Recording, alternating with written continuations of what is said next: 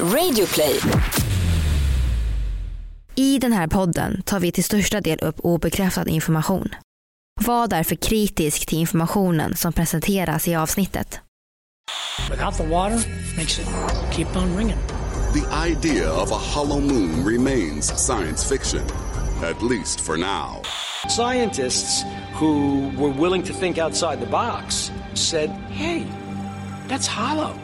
We have a hollow moon.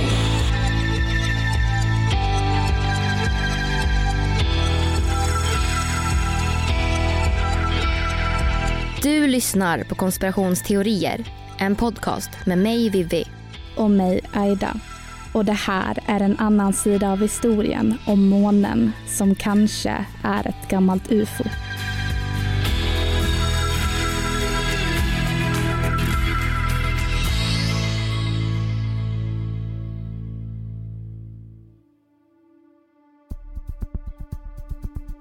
När kärleken till sci-fi växte sig stor under 1900-talet så var det framförallt en bok som fäste sig hos befolkningen.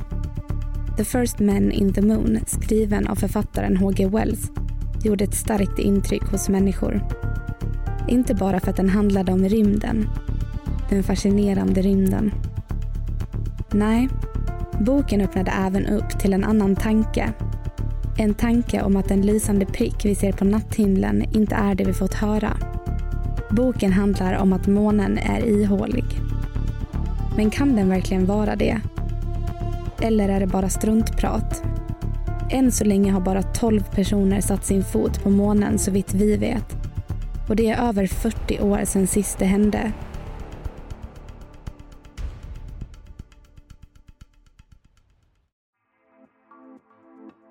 Kan vi lita på 12 astronauters uppfattning om månen? Kan vi lita på de tester som tagits på månen? Eller finns det någon anledning att tvivla på det vi varit så säkra på hela tiden? Det ska vi prata om idag när vi ska diskutera en konspirationsteori om the hollow moon, vår ihåliga måne, som kanske är en gammal rymdfarkost. Det här är en podcast för dig som är intresserad av en annan version av verkligheten.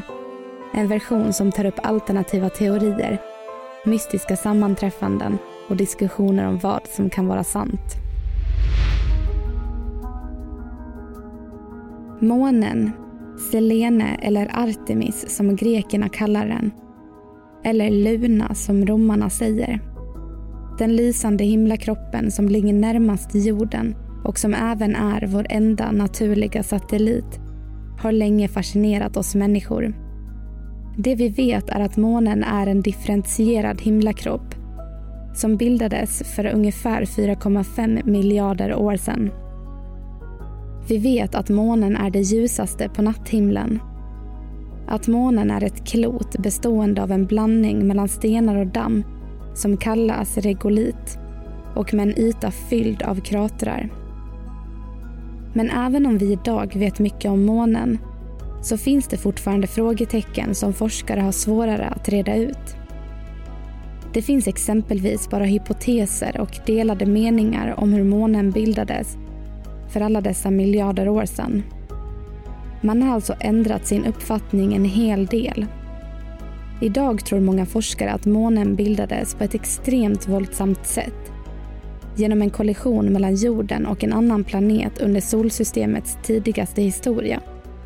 Planeten Theia, som ska ha motsvarat storleken på Mars. Månen blev alltså en slags restprodukt efter kollisionen mellan jorden och Theia. Det skapades så mycket stoft och fragment som spreds runt i rymden i en omloppsbana kring jorden att mängden blev allt större.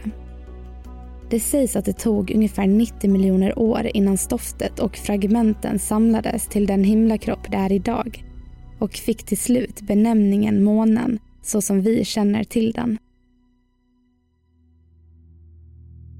Men innan forskarna kom fram till den teorin fanns det många andra modeller. Bland annat så har man trott att månen brutit sig loss från jordskorpan eller att månen bildades på en annan plats i solsystemet men fångades in av jordens gravitationsfält. En tredje teori man hade förr var att månen bildats av material som omringade den tidiga jorden. Som ni hör har månen, likt övriga rymden, varit ett stort mysterium för oss människor och är fortfarande än idag. Vi har aldrig riktigt fått en trovärdig förklaring på hur månen kom till och än mindre en förklaring på hur den hamnade i sin bana runt jorden. För man vet inte riktigt. Och för oss konspirationsteoretiker innebär det här många mysterier och konspirationsteorier att grotta sig ner i. Den lilla pricken har funnits på natthimlen så länge vi människor har vandrat på jorden. Ändå så vet vi så oerhört lite om månen. I have no doubt that extraterrestrials could very well have populated or made structures on the far side of the moon. There is one object that reminds people of a cooling tower from a nuclear power plant. Any species that could travel through the stars enough to put a base on the moon wouldn't have to blink before they could take care of us. Det finns nog ingen som missat att Neil Armstrong i juli 1969 var den första människan som satte sin fot på månens yta tillsammans med astronauten Edwin Buzz Aldrin från Apollo 11. De blev för evigt inskrivna i historieböckerna som de första människorna på månen. Man. Det var en triumf främst för USA men även för övriga världen. Men det finns saker som hände under månlandningen som många fortfarande förundras över idag. När astronauterna Armstrong och Aldrin var på månen så hade de kontakt med NASA på jorden. Allting livesändes till en världsstor publik. Det fanns nog ingen som inte satt bänkad i soffan framför tvn för att se astronauternas nästa steg. Genom en radiosändning kunde astronauterna prata med NASA men under deras tid på månen så växlades kommunikationen om i två minuter från den publika kanalen till en annan.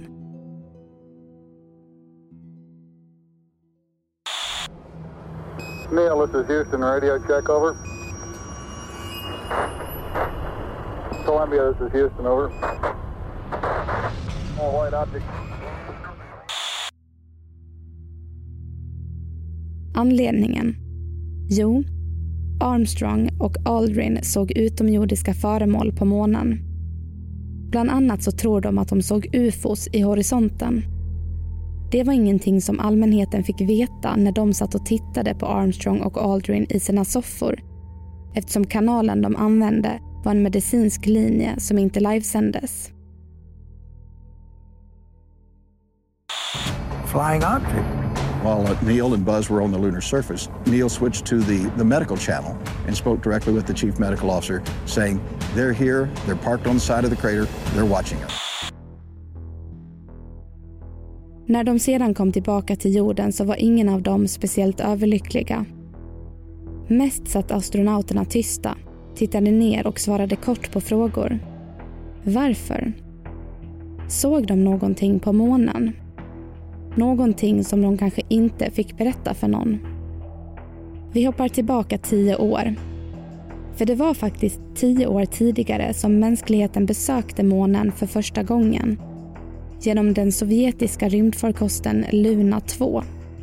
Det var år 1959 som rymdfarkosten kraschlandade på månen och blev den första landningen av ett konstgjort rymdskepp på en annan himlakropp.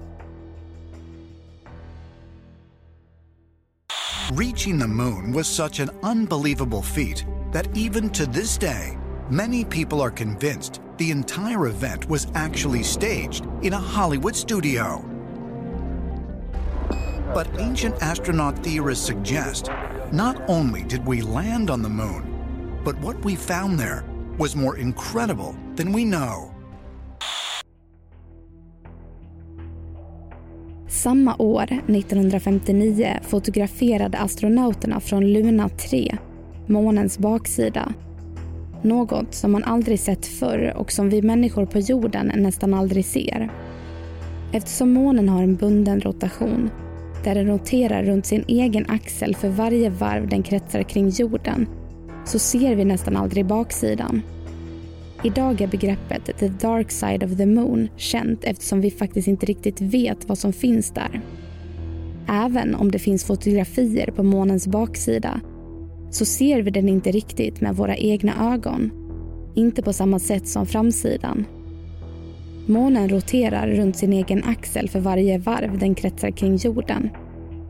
Hur månen ser ut på baksidan är kanske inte ett så stort mysterium om man litar på de bilder som tagits. Men om man inte gör det så kan man faktiskt fundera en del. Det händer ofta att vi kommenterar månen. Exempelvis hur starkt den lyser på natten eller om det är fullmåne ikväll. Men det är inte många gånger vi faktiskt tänker på vad som händer och finns under den gråa, kraterfyllda ytan. Därför hoppar vi nu direkt in i konspirationsteorierna was a study done by the Brookings Institute in the early 1960s, so before NASA went to the moon. There was sort of this idea that if we were to have any kind of interaction with alien life form or intelligence, that maybe we shouldn't tell the public because the public might not be able to handle it. När boken The First Men in the Moon av H.G. Wells släpptes år 1901 blev egentligen inte konspirationsteorin om vår ihåliga måne speciellt stor. Inte heller 25 år senare när Edgar Rice Burroughs skrev boken The Moon Maid år 1926. Det var en fantasybok som spann vidare på idén om att månen var ihålig och bebodd. Det fortsatte så här ett tag. Fler noveller och sagor publicerades runt om världen.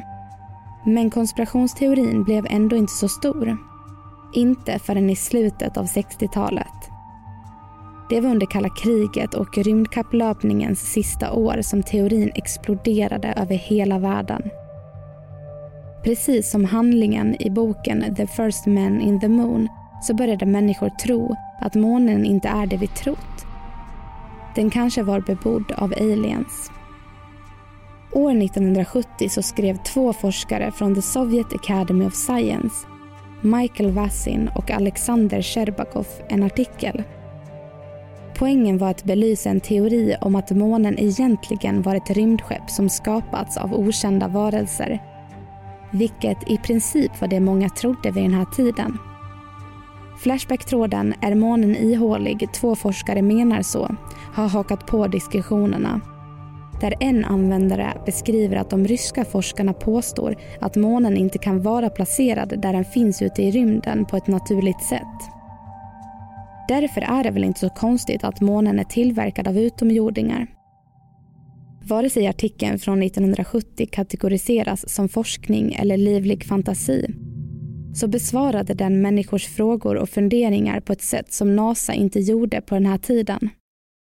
Människor suktade efter svar och när någon var villig att ge ett sånt så mottogs det varmt.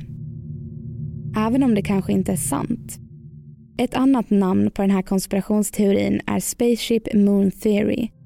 Alltså att månen är en konstgjord ihålig satellit eller ett övergivet rymdskepp ditfört av mystiska varelser för länge sedan. I artikeln Is the Moon the Creation of Alien Intelligence tar de ryska författarna Vasin och Sherbakov upp hypoteser om att månen egentligen är ett rymdskepp av material som tål allt från extrem värme till kyla och kan motstå sig från meteoriter. Andra argument som författarna belyser i artikeln är också om månens kratrar. Något som vi kommer gå djupare in på nu. Månens kratrar är nämligen något som forskare har funderat mycket på i många år. One of the things that's really interesting about lunar craters is that even though some of them are very large and some of them are very small, they all seem to have the same depth. And that really shouldn't happen on a planetary body. There should be variation in depth. So, why are the moon's craters so uniform? It's really, really unusual and it's really not explainable in terms of conventional or established geophysics. På månen finns det tiotusentals kratrar. Eller nedslagskrater som det också kallas. Det är en slags fördjupning som uppstår vid en kollision. Det finns otroligt många, men även mindre kratrar i större kratrar. Ner till den minsta storleken. Även om det finns vissa kratrar som är djupare än andra på månen så har övergripande ungefär samma djup. Vilket är konstigt och inte riktigt försvarsbart. Det finns även kratrar på jorden. Ett exempel är Siljansringen i Dalarna. En anledning till att månen har så många kratrar beror på att det bara finns en tunn atmosfär som kallas exosfär som skyddar månen mot exempelvis meteoriter.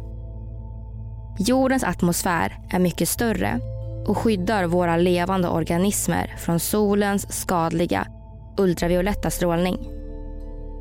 Meteoriter som tränger igenom jordens atmosfär förbränns och splittras när de faller ner. På jorden slipas berg och natur ner och förändras med vädret. Men på månen ser det nästan likadant ut. Kratrarna har behållit sitt utseende då det inte finns några väderförhållanden, som på jorden, som påverkar det. Därför ser det nästan likadant ut som det alltid har gjort på månen. Månens insida har alltid varit ett mysterium för forskare. Under Apollo-projekten borrade astronauter i ytan för att få tydligare svar på vad som finns där under. Enligt NASA finns det en varm flytande kärna med både fasta och flytande lager, precis som på jorden. Men trots det så är man osäker. Giorgio Tsoukalos påpekade i Ancient Aliens, The Hollow Moon of History att månens kratrar inte alls ser ut som de borde göra om månen var naturligt skapad. Då det inte riktigt är förståeligt att kratrarna har det utseendet så drar författaren Alan Butler, som skrivit boken Who Built the Moon antagande att det måste finnas något under månens yta som hindrar kratrar för att bli djupare. Han spekulerar i klippet om att det antingen måste bero på att det finns hård sten under ytan eller så finns det någon form av metall som gör att månen inte kan ta skada. Men om det finns metall under ytan så måste det i princip betyda att månen är ihålig. Vad skulle det annars betyda? Detta är något som många inte vill acceptera. När vi sedan började landa på månen så eskalerade konspirationsteorierna då NASA placerade ut instrument på månen. Instrumenten var seismografer vilket är instrument som vi använder för att registrera rörelser i jordskorpan. För att exempelvis bestämma jordbävningars styrka. Seismograferna skulle bistå NASA och Apollo-uppdragen med information om månen eftersom man visste så lite om den. Det som NASA ville veta mer om var helt enkelt månens insida. Det var ett slags experiment som pågick under Apollo-resorna från 1972 till 1977 innan de stängdes ner för att spara pengar. Men den första gången det hände var den 20 november 1969.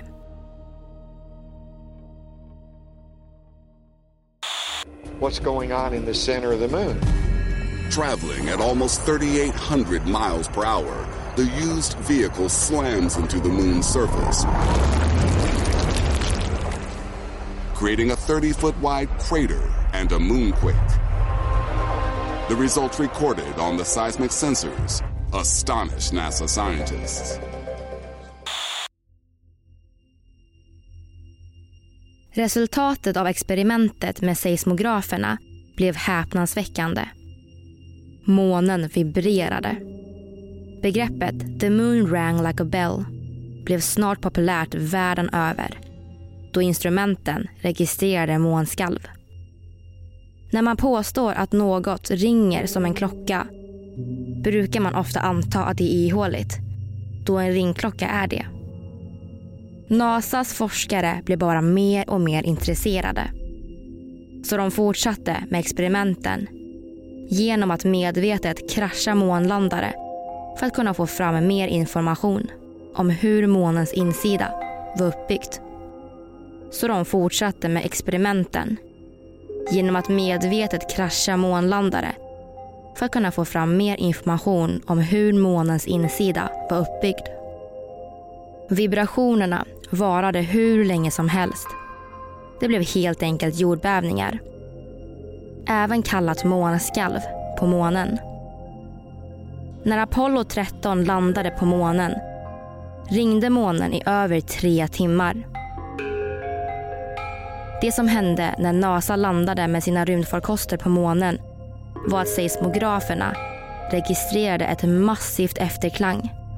Ett slags eko från ett månskalv som ringde som en klocka. Man kunde kategorisera in skalven i olika kategorier. Djupa månskalv, cirka 70 kilometer under ytan. Vibrationer, termiska jordbävningar eller grunt skalv cirka 20 30 kilometer under ytan. I efterhand har det visat att månskalven är väldigt annorlunda på månen jämfört med våra jordbävningar på jorden. Det kan bero på flera saker. Men främst att densiteten och strukturen skiljer sig åt mellan jorden och månen. Nasas forskare har påpekat att den största skillnaden mellan jorden och månen är vattnet. På månen finns det mycket mindre vatten i materian än på jorden. Och därför varar månskalven mycket längre än jordbävningarna på jorden där vattnet absorberar upp mycket av skakningarna. Om man vill tro att det inte finns något vatten på månen som absorberar vibrationerna kan man göra det. Annars kan man ansluta sig till konspirationsteoretikerna som menar att det här är en av de främsta argumenten för att månen faktiskt är ihålig. So if the moon were hollow, what would that mean? Well, obviously it's not a naturally occurring phenomenon, so it's got to be artificial. Somebody put it there, someone built it. Om vi nu leker med tanken att det kan vara så att månen var eller fortfarande är en bas för utomjordingar så kan vi även diskutera månlandningarna. Sista gången människan satte sin fot på månen var för 47 år sedan, 1972. Då hade totalt 12 astronauter satt foten på månens yta och sammanlagt hade 24 personer cirkulerat runt den genom alla olika rymdresor. Efter 1972 så har vi inte landat på månen. Vilket NASAR grundar i att vi hämtat all information vi behöver därifrån. Därför är det onödigt att åka tillbaka. Nu är det resterande av rymden som är av intresse. Det låter som en rätt självklar tanke att inte åka tillbaka till månen om vi vet allt om den. Men gör vi det? Kan vi lita på 24 personers uppfattning om vad månen är? Kan vi lita på att de tester och experiment som gjorts är tillförlitliga? Tittar vi på konspirationsteoretikernas argument så verkar det saknas en tillit mellan NASA och allmänheten. Det kanske finns något hemlighetsmakeri när det gäller månen, rymden och aliens.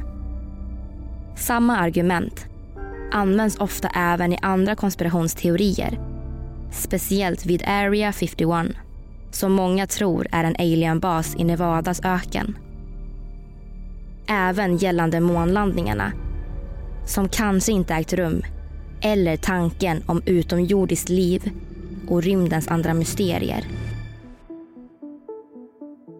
Rymden är helt enkelt något som nästan alla fascineras av, vill veta mer om och ser som ett mysterium. Därför blir rymden också ett hem för konspirationsteorier. Men vi cirkulerar tillbaka till månlandningarna och till de 24 astronauter som åkt runt månen. Fotat månen och till och med satt foten på månens yta. Vissa konspirationsteoretiker menar att 24 personer är alldeles för lite för att kunna få fram tillförlitliga svar. Astronauterna har spenderat många timmar på månens yta.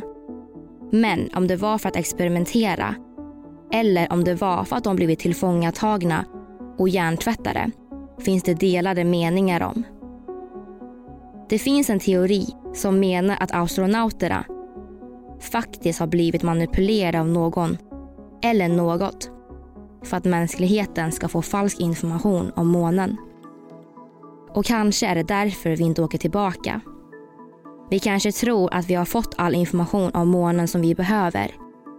Men kanske har vi bara fått den information som någon eller något vill att vi ska få.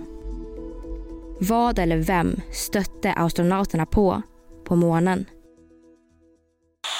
What did the astronauts actually encounter there? And what made NASA stop going back to the moon after Apollo 17? Is there evidence of an alien presence on the moon? And perhaps all around us? Kanske har vi blivit lurade allihopa till att tro att månen är jordens enda naturliga satellit som ständigt gör sig påmind på natthimlen och genom tidsvattnet. Men månen kanske egentligen är något helt annat. För kanske är det så att anledningen till varför vi inte längre landar på månen kan vara att det finns aliens där. Det finns mycket att tänka på och diskutera om. Kanske är det NASA och astronauterna som håller informationen om månens verkliga mening hemlig. Men det behöver inte vara så. Även de kan ha blivit lurade av någon eller något annat. Det finns ju många bilder på månen, på framsidan och baksidan, även kallad the dark side of the moon. Konspirationsteoretiker har börjat undra om fotografierna är en rättvis bild av månen eller om de är manipulerade också. Kanske är bilderna tagna på platser av månen som inte är bebodda av aliens. Kanske gömmer de sig någon annanstans. Kanske tog astronauterna till fånga, fick falska minnen och redigerat material med sig hem. Vem vet vilken teknik utomjordiskt liv besitter? På bloggen Miss Magic Girl kan vi läsa ett blogginlägg där författaren frågar sig om månen egentligen är ett ufo. Av många olika argument så har författaren valt att fördjupa sig i stenarna och dammet på månen. Det som kallas regolit. Det verkar nämligen vara så att stenarna som finns på månen är en miljard år äldre än jorden. Även dammet på månen som stenarna låg i är en miljard år äldre än själva stenarna på månen. Rimligtvis brukar man dra slutsatsen att dammet kommer från nedbrutna stenar i omgivningen. Men det har också visat sig att dammet och stenarnas uppbyggnad är olika och inte har med varandra att göra. Författaren skriver därför att stenarna kanske kommer från något annat ställe. Var? Varför? Och hur är det möjligt? Första gången människan satte foten på månen var under 60-talet. Och det var Neil Armstrong och Edwin Buzz Aldrin som vandrade på månens yta. Kan någon annan ha varit där innan oss? Om informationen stämmer eller inte vet vi inte. Men det är ännu ett argument om man tror att månen är ihålig. Hur då, kanske ni som lyssnar tänker? Jo, om stenarna och dammet inte hör samman så kan det betyda att månen kanske är skapad. Någon eller några kanske har byggt månen. Om utomjordingar ligger bakom månens uppkomst så använder de förmodligen material från andra platser. Om månen nu är ihålig, vad finns det då där?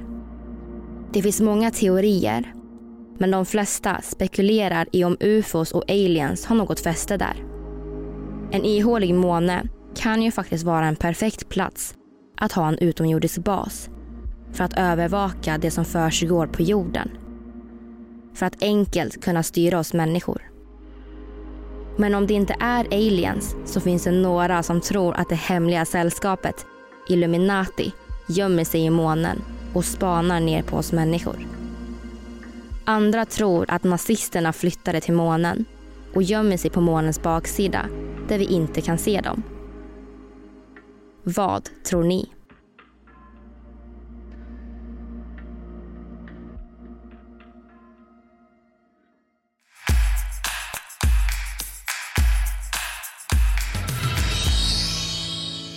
Hej allesammans och välkomna tillbaka till en ny säsong. Hallå hallå.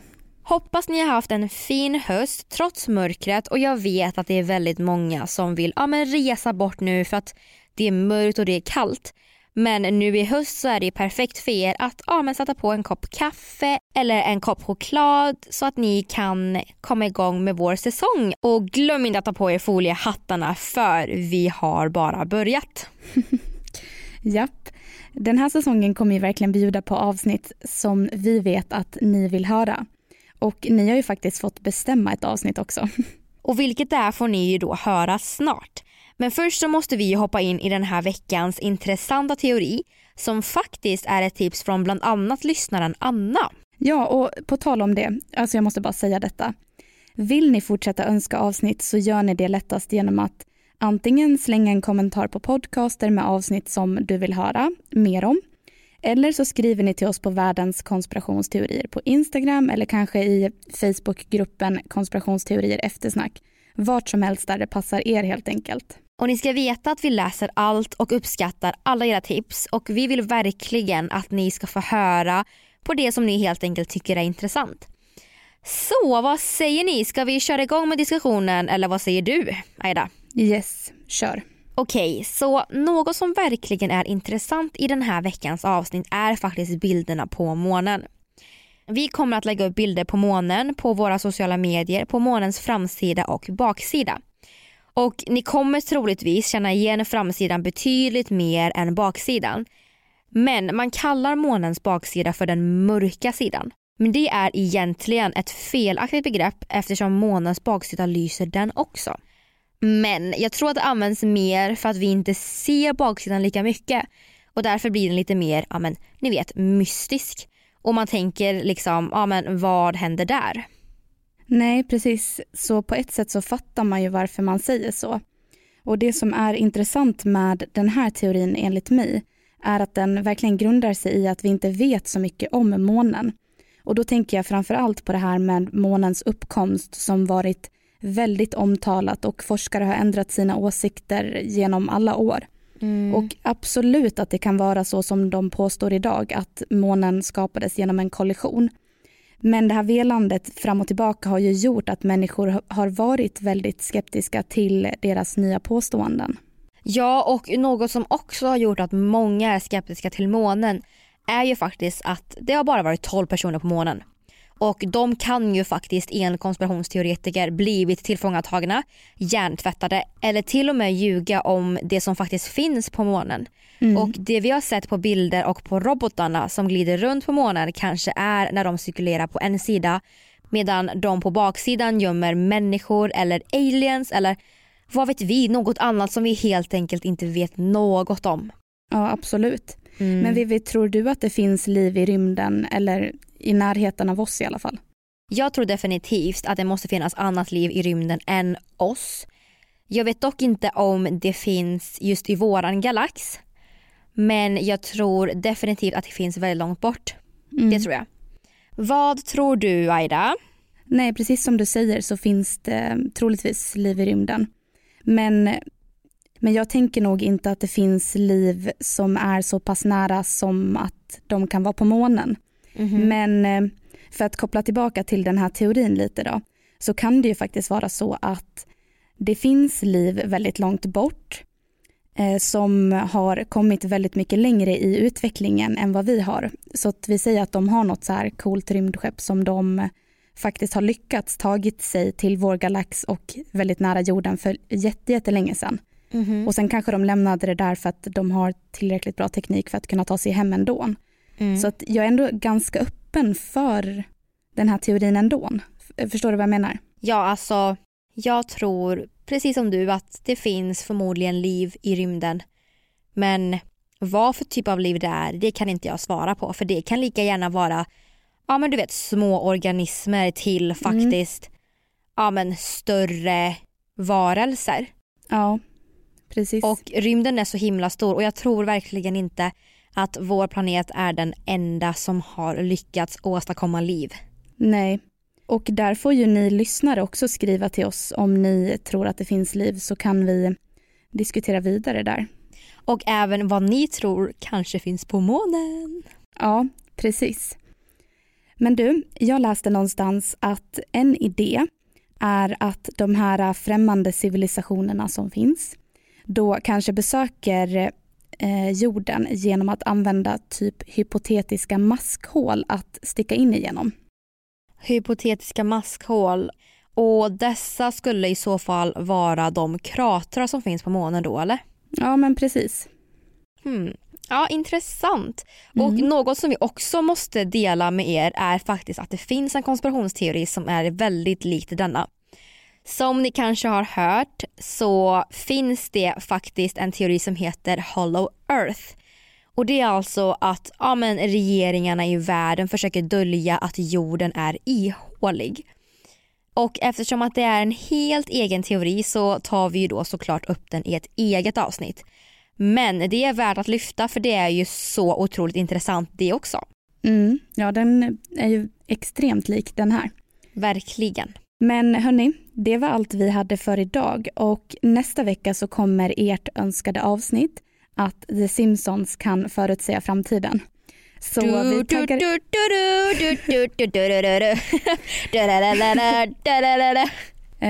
Ja, men så nu taggar vi igång för det och sen hörs vi nästa fredag. Det gör vi och ha en trevlig helg på er. Yes. Hej då! Ni har lyssnat på podden Konspirationsteorier som gjordes hösten 2019. Källorna till dagens avsnitt finns på Facebook. Vi som har gjort programmet heter Vivian Lee och Aida Engvall.